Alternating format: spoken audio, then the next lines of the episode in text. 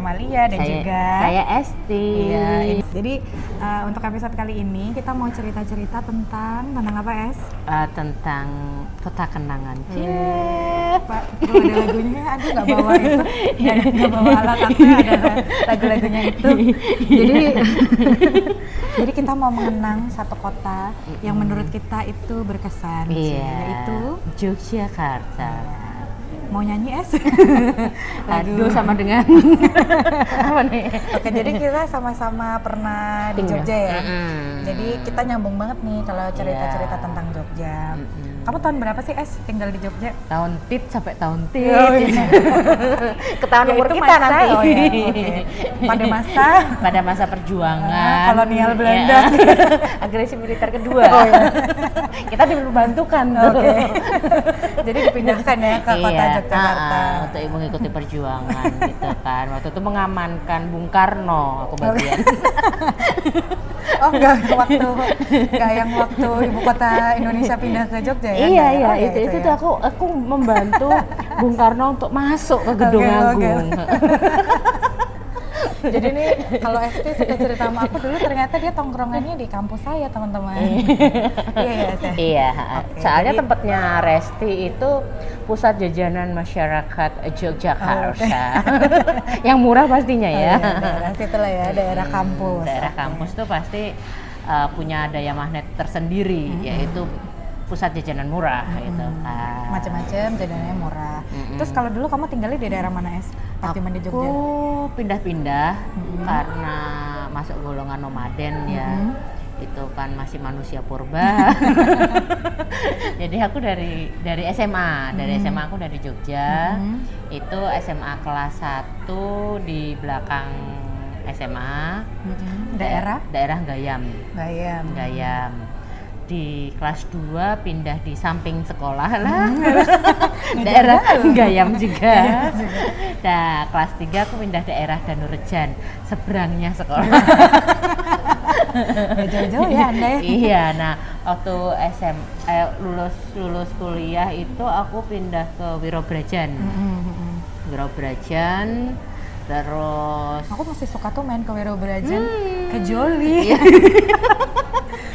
Mungkin kalau yang anak Jogja kalian tahu kenapa Uh-uh. anak-anak Jogja suka main ke Joli. aku Kamu Wirobrajan. suka main ke Joli nggak? Enggak, waktu Enggak itu ya? belum ada Belum ada ya? Oh iya, Nah, belum ya. Jadi ketahuan angkatannya Hmm. deh kan. aku waktu di Wirobrajan berapa tahun ya? Terus pindah ke Kejayan, dari Kejayan pindah ke eh, ini daerah belakang eh, Jalan Solo. Hmm. Daerah Jalan Solo belakangnya Nyonya Soeharti. Mm-mm. Sekarang jadi komplek elit situ. Gila. Oh ya? Belakang Nyonya Belakang- Soeharti.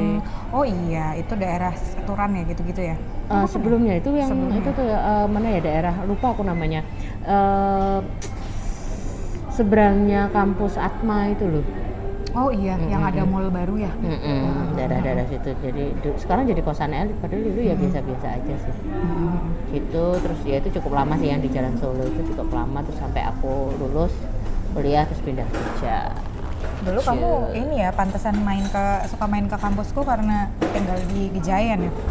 Ke- selain itu kan emang sebagai anak kos yang baik kita harus nyari makan di tempat sejauh mungkin kan sejauh dan semurah mungkin Nah, Tapi kalau Gitu sih. aku untungnya dulu karena tinggal di lingkungan kampus, mm-mm. jadi semuanya murah memang. Iya. Mau fotokopi, mau makan, mau Mm-mm. laundry, Iya, aku juga di lingkungan kampus, cuma kan kadang kita explore ya. Ada rasa bosen kan, sampai kalau misalnya yang jualan uta- sudah sampai hafal ke kita itu artinya kita harus nyari tempat yang lain gitu, karena ada kemungkinan. Aku sampai sekarang loh. Oh iya. Ah, jadi kalau ke Jogja itu ke tempat-tempat tukang Ah, makan ah. itu aku silaturahmi. Ah, ah. Karena sudah dekat bagikan Iya.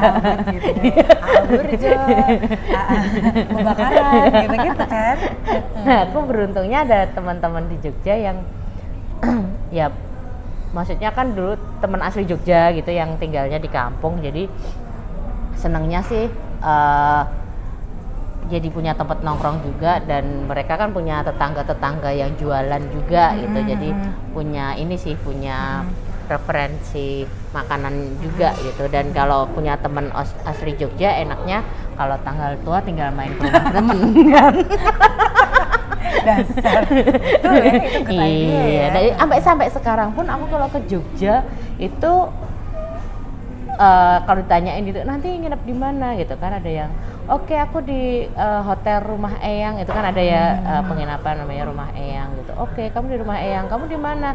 Aku di rumah teman gitu. Karena itu nama penginapan. Gitu ya, rumah teman. rumah teman. Itu penginapan gratis sih. Tapi kalau aku ke Jogja sekarang ya, aku Jogja sekarang tuh malah lebih nggak pingin ke mana-mana gitu loh. Mm. Maunya mana Jogja sekarang kan panas, macet, hotel di mana-mana Ya kan kalau gitu udah kan. tinggal di Jogja udah katam kali Hmm, tempat-tempat wisata jadi aku kan. sekarang kalau di Jogja itu ya udah ke rumah teman, terus aku wisata kuliner sih oh kalau aku di rumah teman Oh, aja gitu. iya wisata itu ya wisata dapur teman Ah, wisata nostalgia. Jadi kayak seharian di rumah teman terus ngobrol-ngobrol sama teman-teman nostalgiaan masa lalu kayak gitu udah udah cukup sih buat aku. Nanti malam baru nyari angkringan mana. Biasanya angkringan lah Pak Min lah atau eh Lekmin, eh Lekman ya, Lekman. Atau ada kita ada satu tempat makan aku lupa namanya kalau aku tuh. lemon tuh ini suka itunya apa namanya kopi josnya Hmm, kalau aku buka aku Sama aku aja ya, nggak begitu. Aku kan emang nggak ngopi minum kopi Hmm. takut minum kopi. Jadi eh, andalan kita bersama adalah susu jahe. Susu jahe. Susu jahe. ya? Dari situ lah. kita Iya, iya, paham iya, paham, Nah, dan menghindari sate usus sate Ah, itu sate jeroan. kolesterol. No no. Tahu bacem aja. Tahu bacem aja, Ah, ah, iya. ketahuan usia Iya. buat kamu sih. Jogja itu apa es? Kenangan. Lagi. iya sih kayak Kamu punya kenangan apa di Jogja? aku ngerasa gini eh, aku ketemu temen mengenal arti sahabat Cie, udah kayak lagunya Sela ya? Mengenal arti sahabat itu waktu SMA Mm-mm. Mengenal arti pertemanan yang sesungguhnya tuh waktu SMA terus dan aku merasa cukup beruntung aku punya teman dari masa SMA yang sampai sekarang masih deket gitu loh masih masih menjadi sahabat dan kami berusaha untuk menjaga itu walaupun jarak memisahkan jauh Hmm. cie. Meskipun dia dia di Papua sekarang temenku deket itu di Papua di Papua Barat di Teluk Bintuni tapi dia asli Jogja jadi kalau dia pulang ke Jogja aku juga akan pulang ke Jogja.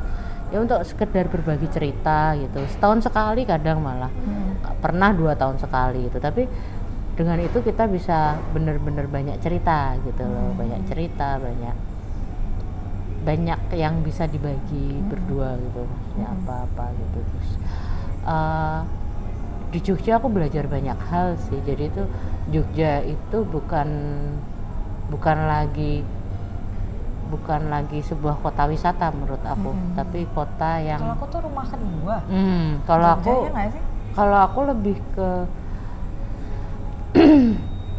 apa ya eh, kota yang menyimpan banyak pelajaran buat aku sih. Gitu. jadi kalau di Jogja tuh bener-bener aku belajar jadi manusia sih Mm-mm. jadi melo ya wah ini kita udah mulai agak-agak ya itu yang menjadikan Jogja istimewa kan jadi Mm-mm. kayaknya juga mungkin orang-orang yang pernah berkunjung ke Jogja apalagi nggak usah kalau mungkin kalau cuman berkunjung doang beda ya rasanya ya iya kalau pernah tinggal di sana pasti akan lebih Iya, tahu sense iya, gitu iya. jadi kenapa banyak orang yang nggak bisa move on dari Jogja Iya. kayak teman-temanku tuh banyak juga ya Mm-mm. udah kerja di sini Mm. memutuskan untuk pulang kembali lagi ke Hmm. Jogja atau memang dia juga nggak mau pindah-pindah dari Jogja Mm-mm. enakan enakan di Jogja emang Mm-mm. ya mungkin bukan masalah materi aja yang dicari Mm. gitu tapi masalah ke apa ya Kedamaian hidup. kedamaian gitu ayem gitu Mm-mm. kalau di sana mungkin Mm-mm. kayak gitu sih aku agak mulai berasa nggak nyaman ketika udah mulai banyak hotel sih. Iya, iya. banyak hotel dan tempat wisata yang aku mulai nggak nyaman ketika Jogja mulai macet Jogja mulai banyak hotel Jogja mulai bis-bis itu mulai bersebaran Jogja mulai banyak tempat wisata itu aku jadi gak nyaman. Cuman aku dari dulu pun menghindari keluar ketika Jogja tuh musim liburan anak sekolah, lebaran, tahun baru tuh aku Hmm. menghindari itu pasti rame karena jalan-jalan banyak yang ditutup Mm-mm. gitu kan. terus bis wisata, wisata itu sih aku Iya. maksudnya aku pernah juga hmm, bukan bukan masa-masa liburan bukan masa-masa apaan atuh gitu ya tapi tetap aja gitu rasanya kayak ngep aja gitu jadi aku sekarang kalau misalnya ke Jogja nggak pernah ke tempat wisata aku selalu ya itu tadi ke rumah jadi aku di Jogja sekarang tuh benar-benar merasakan benar-benar pulang Mm-mm. Aku juga Jadi- sih. mm-mm, jadi Maksudnya ke- nggak ke tempat wisata udahlah kayak katap lah gitu. Makanan pun aku sekarang kayak lebih ke ya itu maksudnya untungnya aku tinggal pernah tinggal maksudnya aku temanku emang orang asli Jogja jadi dia punya tetangga-tetangga yang berjualan atau atau orang-orang yang yang lewat dan berjualan gitu. Kayak misalnya tukang satenya aja apa lama? Aku loh mbak ini zaman SMA gini-gini. Tukang sate tenongan gitu apa namanya yang di yang ah, yang digendong di atas. Ah, ah, yang dia ditaruh di kepala. Itu aja dari zaman aku SMA sampai sekarang dia masih jualan sate Madura gitu yang keliling. Dan dia masih ingat aku. Terus di depan itu ada soto Pak Tris soto Pak Tris itu sejak dia masih nyewa sampai sekarang dia memiliki lapak itu sendiri dan buka cabang gitu tuh masih ingat. Jadi eh, apa ya ya Jogja itu sekarang buat aku tuh pulang dan kenangan gitu loh. Karena kalau kalau untuk wisata udah enggak sih. Yang pasti kalau untuk wisata udah enggak sama sekali. Mm-mm. Mungkin kalau agak mendingan tuh ketika kalau liburan ke Jogja ya mau merasakan rasanya Jogja yang ya mungkin udah nggak kayak dulu ya Mm-mm. rasanya itu tapi mungkin menghindari musim liburan kali ya. Mm. Maksudnya Ya, jangan pas musim sih. liburan kayak Iya. gitu itu paling itu jauh mending sih beda. Iya, sama aku mau- ketika musim liburan kayak gitu. mungkin kayak ini juga sih karena aku ngerasain perbedaan banyaknya banyaknya hotel itu sih yang mengganggu sebetulnya Benar-benar. terlalu banyak hotel itu gila itu sampai yang terlalu banyak hotel dan mall. Itu aku nggak nggak nggak nyaman lagi sejak saat itu gitu. Karena itu kayak apa sih ini Panas kota kok? sih? hmm, Panas apa sih ini kota kok? Kebanyakan hotelnya kebanyakan mallnya gitu loh. Kalau Jakarta banyak mall ya emang mereka budaya seperti itu gitu loh. Kalau Jogja kan enggak gitu loh. Budayanya kan guyup di Jogja gitu. tuh dari zaman zaman tinggal di Jogja pun jarang main ke mall. nah aku tuh ke mall cuma nonton doang sih sebenarnya Iya, bukan kalau kayak di sini kan kita mau ketemu sama temen ke mall, mau cari apa ke mall. Kalau di enggak kan? Mm-mm. Iya, aku kadang merenungi kayaknya dulu zaman. Iya, Kalau makan nggak angkringan, gitu. Angkringan gitu ya, loh. Pokoknya yang ini aja, yang Mm-mm. kaki lima kaki lima. Mm-mm. Banyak yang enak, banyak yang Iya. bersih. Kalau di sini kan kadang kaki iya. belum bersih juga. Iya, yang ada di sentri kan. Ya. Nek-nek lah. Aduh. Iya. Ya begitulah Terus ya. ya, eh. Itu jadi perbedaan ini ya, perbedaan Jogja dulu sama sekarang ya. Mm-mm. Tapi kalau menurut kamu nih setelah kita kan sama-sama ya jadi pendatang di Jakarta, menurut kamu perbedaan Jogja sama Jakarta banyak. yang paling pasti ya? Yang paling paling sih masalah keguyupan sih. Be- kebersamaan. Heeh, bersamaan. Jadi kalau di Jogja itu kita berkomunitas masih memungkinkan. Kalau di sini agak susah. Maksudnya gini. hmm, Ada sih, sebenarnya banyak sih Iya. kalau weekend kita pilihan komunitas ya, Iya, cuman cuma gimana ya? mungkin ke nggak nggak semua kalau eratannya kali ya, Mm-mm, keeratan mm-mm, perasaan mm-mm. gitu. Kayak kalau aku di Jogja itu ikut komunitas gitu bisa lah yang kita bener-bener eh, aku nggak tahu ini masalah ini mungkin personalku ya. Mungkin nggak bisa disamaratakan gitu kan.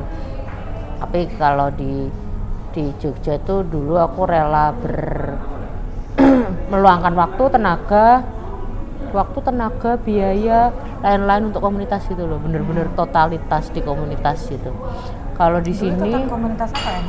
Aku ikut komunitas di gereja cia agamis. haleluya. Ikut Patemon Paguyuban televisi dan monitor itu multimedia di gereja terus sering kita kerjasama sama Metro TV buat siaran langsung. Jadi kayak Natalan 2000 sekian disiarkan langsung dari gereja ini gitu gitu nah itu kita kerjasama sama itu.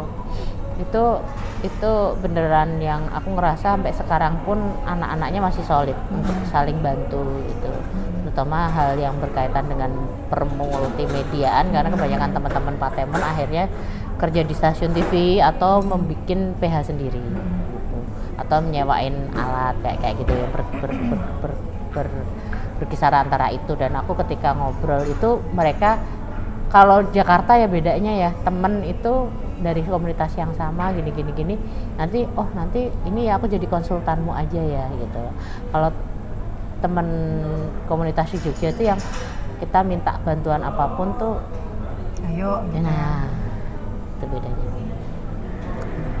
banyak hal selain itu banyak hal sih banyak hal kayak masalah eh, terlalu individu kalau di Jakarta ya orang-orangnya kalau di di Jogja kan masih aku pernah ya sosial. di itu di stasiun Tugu Mm-mm. baru nyampe terus aku nitipin itu nitipin tas Mm-mm. Di penitipan yang loker-loker Hmm. yang di stasiun Hmm. Tugu itu.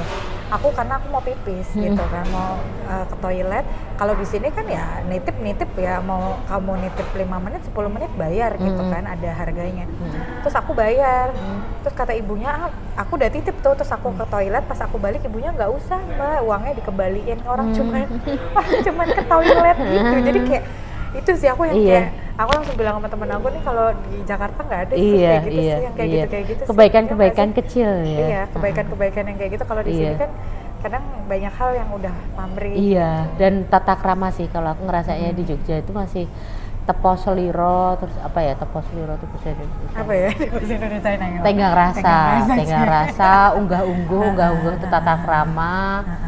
Hmm, ngajeni itu menghargai hal-hal hal-hal sederhana yang sebetulnya itu penting untuk ketika kita menjadi uh, manusia yang bersosialisasi gitu. Loh. maksudnya masyarakat kita hidup di masyarakat gitu. Di, di masyarakat ada tatanan sosialnya gitu. Kalau kita nggak nggak nggak mengikutin itu ya akan susah gitu. Sedangkan kalau di Jogja itu kan kental sekali dengan hal itu gitu. Kayak misalnya nanya jalan aja sebaiknya kita turun dari kendaraan copot helm biar orang tahu siapa berbicara dengan siapa. Dia berbicara dengan siapa nih gitu.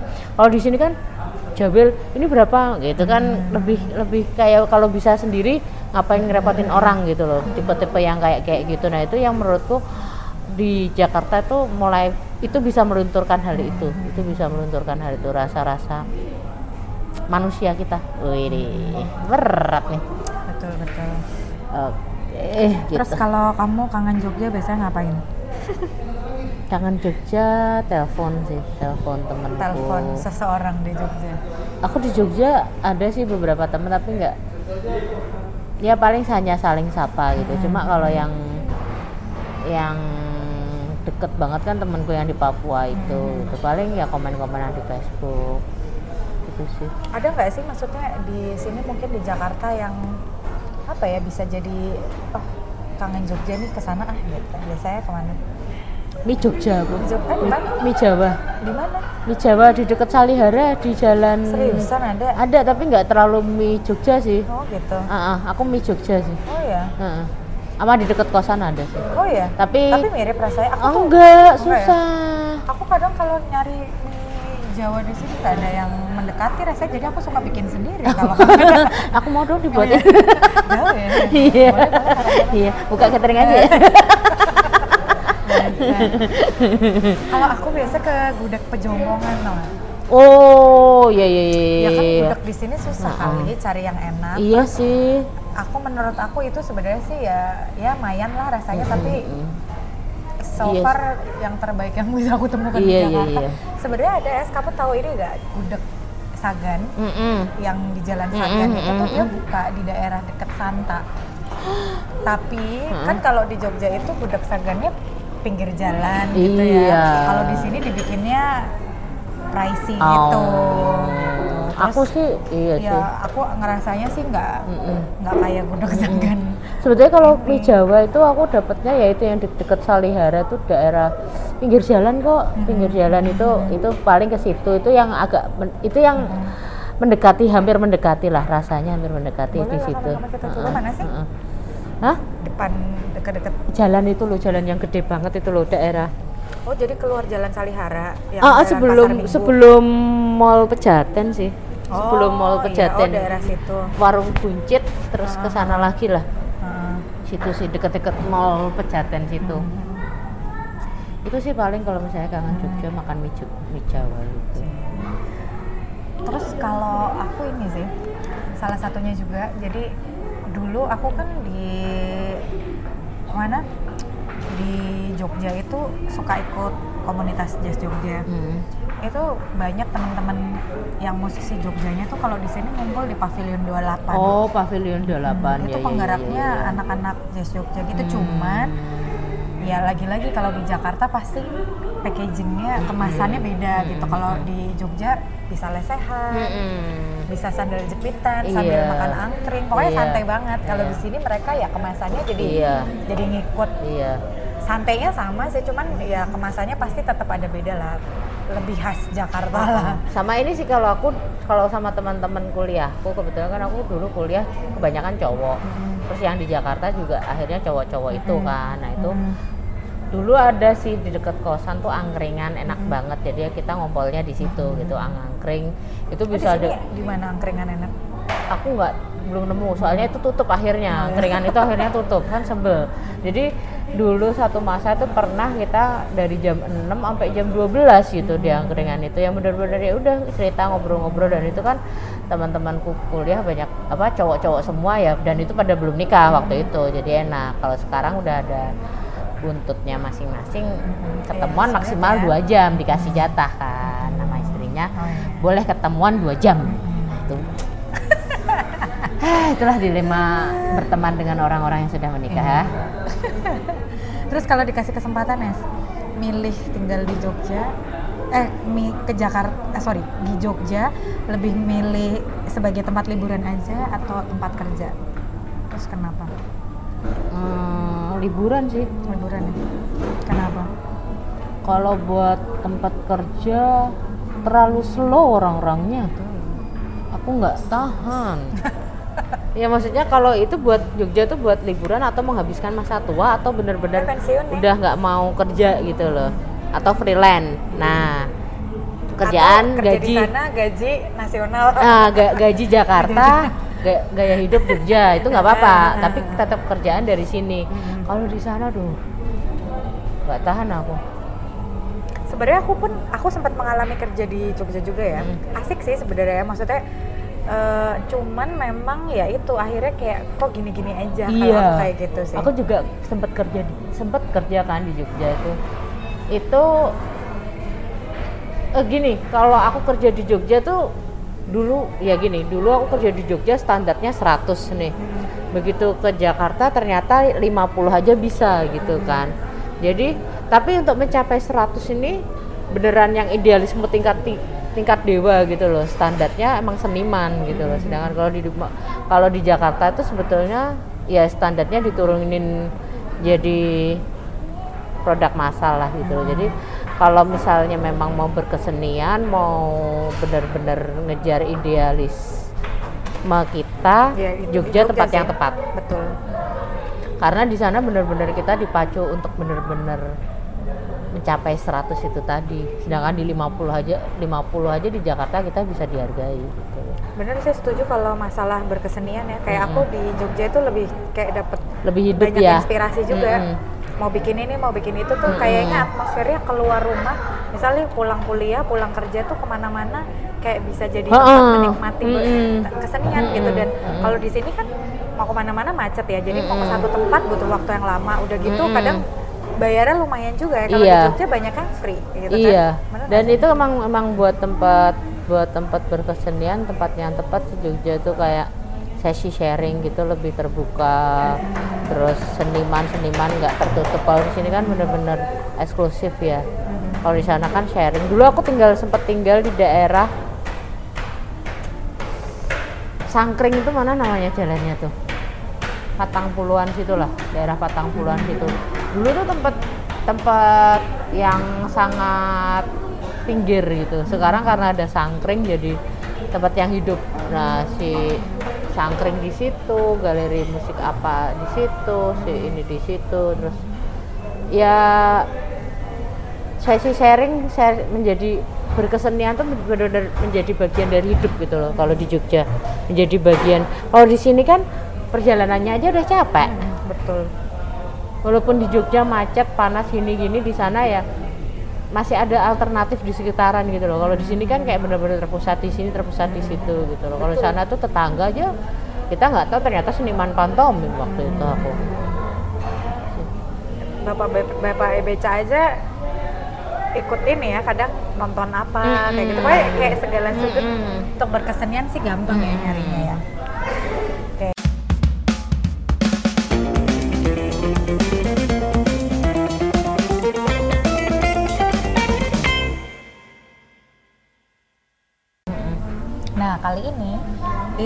sesi apa ya rekomendasi nih kayaknya segmennya segmen rekomendasi jadinya kita sharing-sharing aja ya misalkan Nah. rekomendasi buat ngapain ngapain gitu ya F ya. Nah nih menurut kamu di mana tempat-tempat yang paling asik buat kongko atau nongkrong-nongkrong di Jogja menurut kamu? Eh, rumah teman angkringan Lekman sama soto Pak Tris Soto di mana? ternyata ini banget deh personal Soto Patris di mana? di Jatimulyo Jatimulyo. Jatimulyo deketnya kuburan Jatimulyo Waduh. sebelahnya Eh jangan-jangan bukan soto kuburan ya, bukan ya? bukan, Bukan ya? Soalnya itu soto dekat gereja Kristen Jawa Jatimulyo Hmm. Enggak, ini juga bermanfaat sih buat teman-teman yang misalkan datang ke Jogja. Jadi temen-temenku pun banyak yang misalkan ke Jogja tuh suka bingung mau ke mana. Mm-mm. Kadang-kadang kan ada ya tempat makan atau apa tempat yang ya Mm-mm. turis tahu gitu. Tapi padahal menurut kita biasa aja kan gitu ya. Tapi kadang tuh di Jogja banyak banget yang tempat yang nggak diketahui turis dan itu rasanya jauh lebih enak daripada yang diketahui turis, Iya. betul? betul betul betul. Ya itu seperti soto Pak Tris. Iya, soto banget. ada sih ayam tiren. ayam. Serius? iya. Masalahnya murah banget. Nasi iya? ayam lima ribu. Eh, itu da- daerah selokan Mataram. Nggak tahu sekarang masih buka apa nggak nggak tahu. sebetulnya bukan yang tenda biru. bukan ada tenda enggak itu biru yang itu aku makan berdua aja es delapan ribu padahal ada nasi sayur sambal teri ada ceker ada minum Oh. berdua delapan ribu aku yang sampai itu murah banget ini daerah bukan ini sih daerah TVRI sana sih oh iya Jalan, berarti Jalan Magelang. Ayo lanjut. Di mana tempat terbaik cari buku bacaan di Jogja menurut kamu? Eh, Sositek apa ya sekarang namanya Hah? Yang deketnya Taman Pintar itu apa namanya Oh iya. Dulu sih aku nyebutnya shopping. ah shopping Tapi sekarang udah bagus tempatnya. shopping Nah, tetap itu shopping adalah buku-buku eh, Shopping. bajakan. Tetap shopping. Ah, Ya. shopping. shopping is the best for Nah, itu tapi sebagai orang penerbitan ya. tetap shopping ini shopping Jadi Jogja itu di itu ya Sultan pun tuh melindungi ya. Iya. Gitu demi Iya. masyarakat bisa baca Ah, ah, buku. ah. Kalau buku mahal jadi Iya. bajakan belinya shopping di shopping. Selain shopping ada juga. social agency Enggak, mana di Sagan itu juga ada kan se- tempat selasar iya buat buku-buku. iya shopping tapi aku lebih suka eh, social agency kalau nggak toga mas Toga Mas. soalnya disampulin Disampulin. Ah, ah. Udah gitu selalu ada diskon. Ah, ah. kalau shopping sama social agency sama toga mas disampulin Aku masih suka ke Toga Mas kalau ke Jogja juga. Hmm, pokoknya disampulin aja. Disampulin, dan itu itu kan, gratis. ah, ah, nah itu yang paling penting. Nah. Nah, udah nggak repot, gratis pula kan. Nah, buku kita rapi. Heeh, betul. Terus mana tadi? Di mana kuliner terbaik Jogja menurut kamu? Soto Pak Tris. Soto Patris. Terbaik. Kalau aku mie ayam Sendowo. Oh, mie ayam sendowo. Itu di daerah Sendowo di belakang Mandiri UGM. Hmm. Oh, karena kamu sukanya mie ayam. Mie ayam. Nah, aku sukanya soto. betul. Jadi aku tuh terlahir untuk makan soto Oke. gitu. Dan menurutku Dan yang lidahnya cocok Patris soto ya. Pak Itu sotonya soto apa sih? Santan Karena ayamnya eh, soto bening dan ayamnya tuh dibacem gitu loh. Oh iya iya iya enak. Kan biasanya suka ada yang dada terus nggak ada rasanya ya. Mm-mm. Ini Kalau aku tuh mie ayam terenak yang pernah aku makan aku lebay sih. Mm-mm. Seumur umur aku kan penggemar mie ayam. Jadi kalau ke setiap kota tuh Nyari mie ke mana ayam. nyari mie ayam. Itu paling enak ke situ. oh. Mie ayam Sendowo. Sampai aku kalau punya rezeki aku kepengen tuh freelance eh freelance franchise Oh, franchise mie ayam mie bisa gitu. dong. karena si bapak ibunya tuh muda apa eh, udah sepuh gitu udah tua Hmm. dan itu kayaknya nggak tahu deh mereka Hmm. eh, menurunkan usahanya ke anak-anaknya atau enggak Iya, dan iya. itu dari dulu jualannya kayak gitu aja tempat Oh, sama ini. harganya murah lagi Sama ini aku sama mie Aigan. itu di mana Aigan itu di deket kampus 2 Atma Jaya. Di daerah Dirgantara 2 Seturan. Oh. deket Dirgantara 2 Nggak itu itu. ayam uh, mie, mie Jogja Aigan Oh. Aigan tuh maksudnya ayam gantung kan namanya gantung-gantung ya? nah, itu pinggir jalan persis sih namanya Aigan jadi kita kasih nama Aigan itu anak-anak kosku sih dulu pokoknya kita Tapi referensinya nama situ. aslinya apa nih? Nggak Nanti tahu. orang-orang cari nanti nggak tahu nih? itu kode kita aja Udah. Aigan pokoknya sebelah Dirgantara 2 aja Terus, di mana tempat menikmati seni terbaik di Jogja menurut kamu? Wah, di samping rumah juga, di samping rumah temen aja bisa gitu loh kalau di Jadi Jogja tuh. sebenarnya di setiap sudut ya, Mm-mm, setiap setiap sudut, sudut. Jogja Mm-mm. itu apa ya kaya akan seni ya? Iya, karena kayak misalnya gitu. sehari-hari aja mereka nyanyi nembang-nembang Jawa gitu, menurutku udah wow gitu loh. Terus eh ya apa ya namanya latihan, jatilan apa apa gitu-gitu. Menurut aku mungkin kalau yang bukan orang Jogja mau ke Jogja, cobalah jangan ke tempat itu sih ya, pariwisata aja ya. Mm-mm. Cobalah kayak ke pemukiman, kayak gitu kayak gitu nggak sih? Mm-mm. Kayak misalnya aku- aku tuh seneng kalau misalnya kan temanku rumahnya ada yang di Jeron ya. Di Jeron itu neneknya Matri Jeron ya? Bukan? enggak Jeron Beteng. Oh beteng. Anak Jeron Beteng. Eh, masih inilah masih silsilah gitu. Neneknya dia masih ngebatik kayak kayak gitu loh. Itu kan kayak di rumah tapi masih ngebatik hal-hal yang sesederhana itu sih. Hmm, Bisa dicoba yang seperti itu ya. Di mana tempat wisata terbaik di Jogja menurut kamu?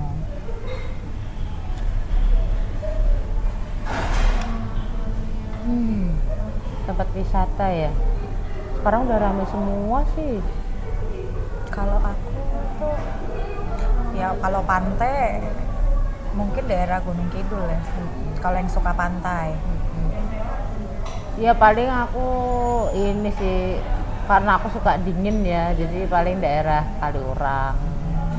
Bengong doang dipakem gitu. Nanti kalau misalnya ini digiring untuk pulang.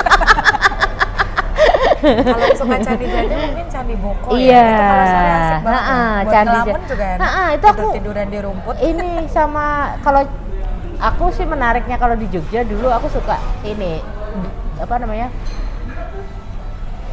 Eh, apa ya namanya itu ya uh, delusupan bahasa Indonesia nya apa ya delusupan tuh Ini gegar bahasa nih. around gitu. Iya, Gitu kalau- Pokoknya apa namanya ya? Jokowi itu sukanya, lah gitu Jokowi lah. itu sukanya apa? Nah, ya maksudnya nyari-nyari gitu lah, nyari-nyari candi-candi baru tuh aku suka banget. ya sekarang banyak loh. Iya, kayak di ha-ha. kampus mana UII gitu kan ada kan. Nah itu aku suka banget dulu tuh selusur candi sih, selusur candi. Dan menurutku saranku kalau mau selusur candi mendingan pakai motor. Kalau pakai mobil ya enak sih adem, terus terlindung ini. Tapi untuk nyam- mencapainya itu agak susah kalau mobil. Lebih baik pakai motor. Terus kalaupun eh, aku juga suka itu candi mana namanya tadi Ratu Boko itu bagus pas senja kayak kayak gitu kan enaknya naik motor ya jadi kalau mobil kan ya nyaman dari sisi ketika kita di dalamnya tapi begitu mengendarainya jalannya kecil gitu Iya cobalah seru Susah. candi sih bener. Karena candi banyak candi-candi kecil yang iya kan. yang deketnya itu yang deketnya waduk itu kan ada juga tuh candi apa lupa aku namanya banyak candi-candi baru yang itu menurutku menarik sih untuk ditelusuri Oke selanjutnya di mana tempat terbaik hunting barang-barang seni di Jogja menurut kamu? eh itu bedak mas apa namanya pasar apa itu namanya Pasar ini yang deket mana? Yang deket alun-alun kidul itu ya? Bukan. Ah, sekarang kan dipindahin tuh pasar barang kuno tuh. Nah, situ sih. Pasar barang kuno itu sih. Sama pasar Biring Harja. Kalau mau adem ya Mirota Batik. Iya. Kalau aku tuh sebenarnya suka ngikutin ini loh. Kelitian, Oh, nah, iya. pasar Kelitian. Kalau aku suka ngikutin kan seniman-seniman Jogja banyak yang ini ya, maksudnya bikin bikin Ah. distro sendiri Ah. atau apa kayak gitu-gitu sih sekarang juga seru juga sih itu untuk ini. Mm-mm. Kalau terakhir aku ke Jogja tuh menemukan satu tempat namanya Arkadia di daerah Prawiro Taman. Itu lucu deh. Hmm. Jadi kayak segede Salihara doang Mm-mm. kali, lebih kecil kali. Mm-mm. itu tapi isinya tuh seniman-seniman bikin ini Oh, bikin toko-toko kecil oh. gitu galeri-galeri gitu itu seru juga sih Kalau aku di Kelidian tuh karena sering dapat hal-hal yang Oh wow iya, gitu. unik-unik ya? Ah, ah, kayak misalnya aku dapat kelonongan sapi di Oh situ iya. itu buat bel buat sepedaku. ya? sepedaku aku pasangin kelonongan sapi buat Ah. bel sebetulnya dan itu itu murah gitu loh Ah. kayak kelonongan sapi itu yang waktu itu aku beli cuma 8000 gitu dan itu asli kuningan gitu kan. Terus dapat kerincingan tapi dari koin golden Ah. golden oh iya iya di pasar-pasar sana masih Mm-mm. banyak Nah itu ya? aku aku aku sukanya yang gitu-gitu sih. Jadi menurutku menarik. Itu deh pasar kelitian asal asal rajin Iya. rajin ini aja ngeliat terus tahu harga sih. betul terus di mana tempat paling romantis di Jogja Waduh. Waduh, Nah, aku jadi berpikir juga di mana? Romantis. itu aku tuh perspektif juga ya Ah, ah, masalahnya sama siapa lah? Aku tuh Iya. selalu sama temen ya. Tapi kalau menurutku tempat yang paling, maksudnya tempat yang menyenangkan waktu itu ke Pantai Mercusuar. eh itu di mana Ada. eh iya aku tahu Ah, ah, itu- di itu. Gunung Kidul ya Mm-mm, itu Pantai Mercusuar tuh karena ya mungkin kalau buat yang pacaran romantis. Eh, Senjanya bagus. Kayak drama Korea ya Ah, ah, soalnya aku waktu sama temen jadi nggak berasa romantis. kalau kamu ke ujung lagi yang paling ujung tuh di Ombo kamu Oh, di Ombo tahu. itu juga bagus sih kalau sunset Itu kalau sama pasangan apalagi, tapi kan aku masih bisa pegangan tangan eh. Kalau jomblo pegangan tangan sendiri. eh ternyata Masa ternyata tukang parkir ini pantai mesake. Aduh. di mana tempat terbaik menikmati malam mingguan di Jogja menurut kamu Di angkringan pinggir jalan. Mm. Titik nol itu juga menyenangkan. Tapi sekarang ramai banget ya kalau weekend Tengah malam, tengah malam ya. Ah, tengah malam aja. Aku pokoknya di angkringan pinggir jalan atau di titik nol sih. Sambil nge- dengerin gitaran. Mm-mm. Terus dengerin lagu Jogja. gitu. Pulang ke kota malam. Oke.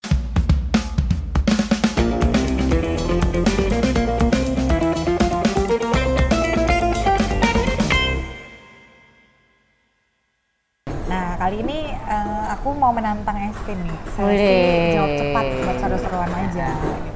Jadi aku nyiapin beberapa pertanyaan ya. Kamu jawab cepat aja ya. Kamu pilih naik beca atau delman ketika di Jogja? Sepeda. Gak ada dipilih kan? itu kan ada sendiri. Kan ada sendiri. Yang ini naik beca Eh, atau delman. Eh, delman, oke. Eh, tapi di samping Pak Kusir yang sedang bekerja. Iya, kan? soalnya aku kalau becak nggak tega jujur Oke. aku. Kasihan sama tukang becaknya. Lebih ke situ sih. Eh aku pernah ya naik delman, ini jorok sih. Tiba-tiba tuh si kudanya tuh langsung wus gitu. Dia pup. Serius loh. Terus aku yang menyesal gitu duduk di samping Pak Kusir yang sedang bekerja. Terus tapi itu goyang-goyang kan ekornya Iya. Pak ini kenapa Pak? Ek- Ekornya goyang. Ternyata habis itu pop brul. Brul gitu loh, beneran banyak.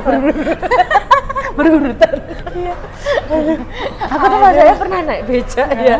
Naik becak. Ini agak traumatis sih. Kayak terlalu berat bebannya. Oh, terus nggak jalan ya? Enggak, kecongker. Bapaknya kecil, udah tua. Jatuh.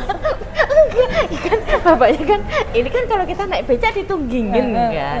Bapaknya, bapaknya udah tua, rentananya kita nggak tega mau bantu gitu kan.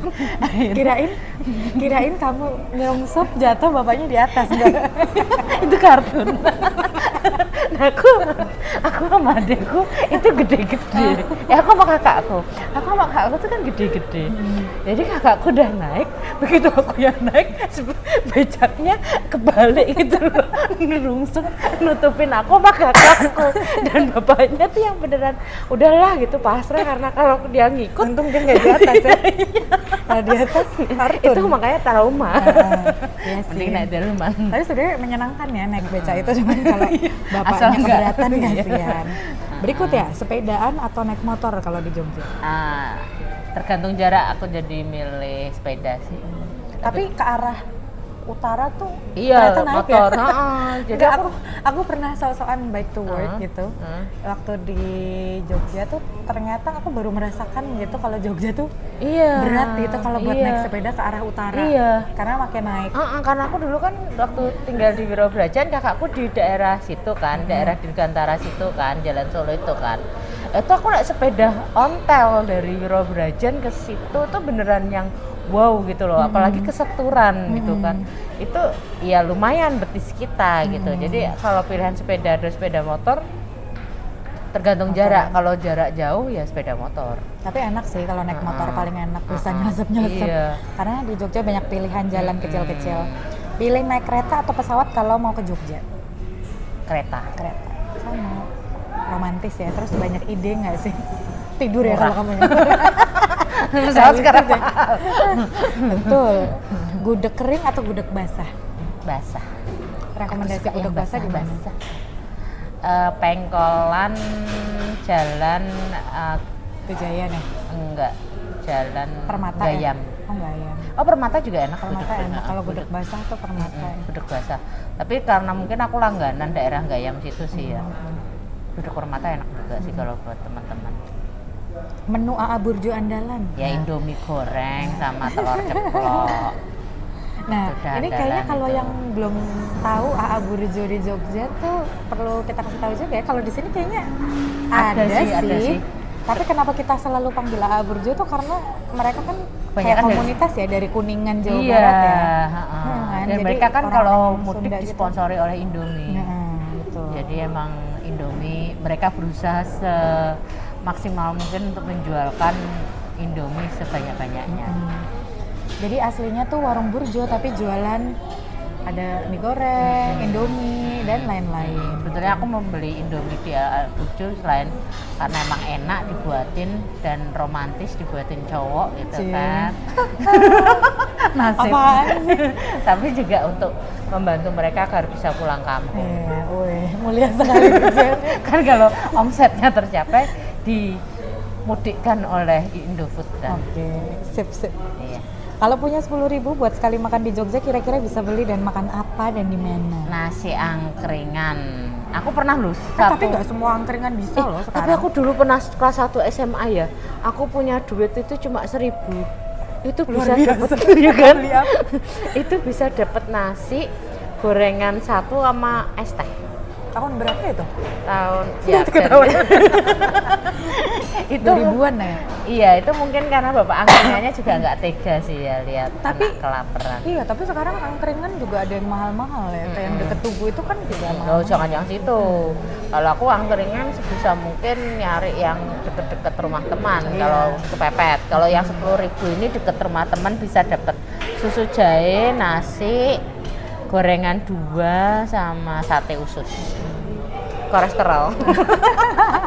Aku dulu 2006 masih beli dekat kos-kosan tuh masih dapat itu loh es 1500 nasi kuning udah iya. lengkap. ha, ha, ha. Jadi kalau 2000 tuh tambah tempe bacem Iya, satu dan itu udah enak banget. Iya betul. Di sini dapat apa? Nah di sini kan ini kalau di dekat rumah teman tuh susu jahe lima ribu, lima ribunya yaitu tadi nasi, gorengan dua, sama sate usus. Lanjut. Apa kira-kira perbedaan gado-gado versi Jogja sama versi Jakarta? Beda banget. Beda Kalau di ya? Jogja kan namanya lote. Iya. Kalau di Kalau sini kan kalau di sini kita bilang gado-gado, kalau di kita lote. lote. Betul. Bedanya kencur sih. Kalau lote itu pakai kencur. Sama ini, kalau gado-gado tuh kan sebenarnya disiram ya. Iya. Terus ada kentang, iya. ada uh, selada, gitu-gitu kan, Heeh. beda kan. Beda. Kalau di yang paling mendasar ya itu pakai kencur. Kalau sini kayaknya bumbunya nggak pakai kencur. itu kalau kita bilang lotek gitu. Mm-mm, lote itu pakai kencur sama air asem. Mm-mm, Betul. Kalau di sini nggak pakai ya. Mm-mm. Apa kalau malam mingguan nggak punya uang sama sekali, ke mana kamu bisa tetap menikmati malam minggumu dengan asyik kalau di Jogja? 0.0 kilometer. Titik 0 kilometer. Foto-foto Tugu. ya, ngelamun. Tugu titik 0 kilometer sama Taman Lampion. Eh, Emang Taman lampion gratis ya? Enggak lah bayar. bayar ya? Ya udah ke Tugu sama titik 0 aja lah yang gratis. Parkir. Parkir aku dulu eh narik sepeda motor sebelah kita persis. Oh, gitu ya. Ah, ah. Jadi nggak parkir ya? Ah. Oke. profesi yang pengen kamu jalani kalau diberi kesempatan bisa tinggal selamanya di Jogja ya itu freelance itu tadi Freelance, freelance, ya? atau jadi seniman atau jadi ya sebetulnya ya itu tadi sih hmm, ya itu. Freelance kamu nggak pengen jadi ibu kos? Aku salah satu jadi ibu kos. Karena iya kan di Jogja itu aku jadi ini sih sebetulnya punya kos kosan sempat pingin nanti kalau misalnya bosku jadi bikin ini di sana bikin wisma di sana ya aku jadi penjaga wisma. Bos besar mau pensiun. Oh gitu. Nah, tapi nggak tahu nanti. Kalau wismanya beneran jadi ya maulah saya jadi penjaga wisma di sana iya kan seru kan? Banyak fotokopian. udah udah pernah nawarin sih gitu. Mas mas kalau ada tanah nggak pengen dibangun. Oh iya nanti nunggu. Ya oke. Hal apa yang harus orang-orang lakukan buat merasakan Jogja yang sebenarnya? Karena kan banyak ya orang yang ke Jogja tapi ala turis. Dan kurang merasakan rasa Jogja yang live sebenarnya. in sih live in di penduduk. Yang ya itu tadi aku ngerasa ini karena aku di rumah teman itu tadi in sih tinggal bersama masyarakat Sama sih. gitu. Maksudnya nggak merasakan ini ya. eh, kayak liburan turis misal ke tempat shopping atau dan sekarang kan ngerasain. banyak juga tuh di Jakarta yang eh di Jogja yang kayak gitu desa aku pernah sih Mm-mm, banyak kan yang kayak gitu ke desa di apa daerah Pakem kayak gitu Mm-mm. dan emang desanya di dikelola Di- untuk jadi desa wisata kan iya itu aku setuju banget itu oke jadi gitu teman-teman semoga menambah ada faedahnya nggak ya mudah-mudahan ada lah ya. ya. semoga ya jadi ada rekomendasi juga buat teman-teman kalau yang mau ke Jogja dan mungkin eh, apa ya lebih berkualitas lah ke Jogjanya Hmm. daripada cuma shopping-shopping jadi kita siapa tahu bisa kasih insight buat teman-teman amin Oke, dah semuanya. Dah. Sampai ketemu di episode berikutnya.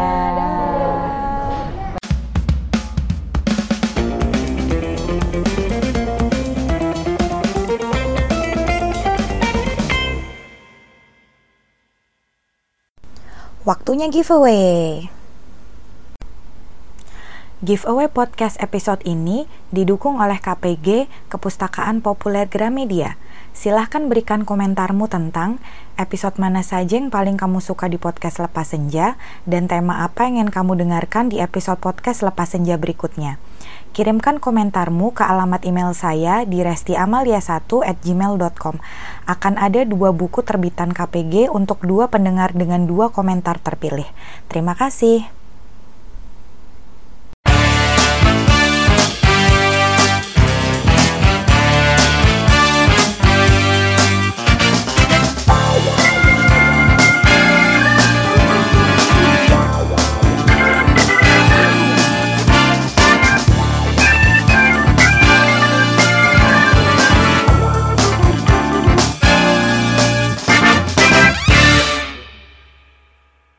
Terima kasih sudah mendengarkan podcast Lepas Senja. Sampai jumpa di episode berikutnya.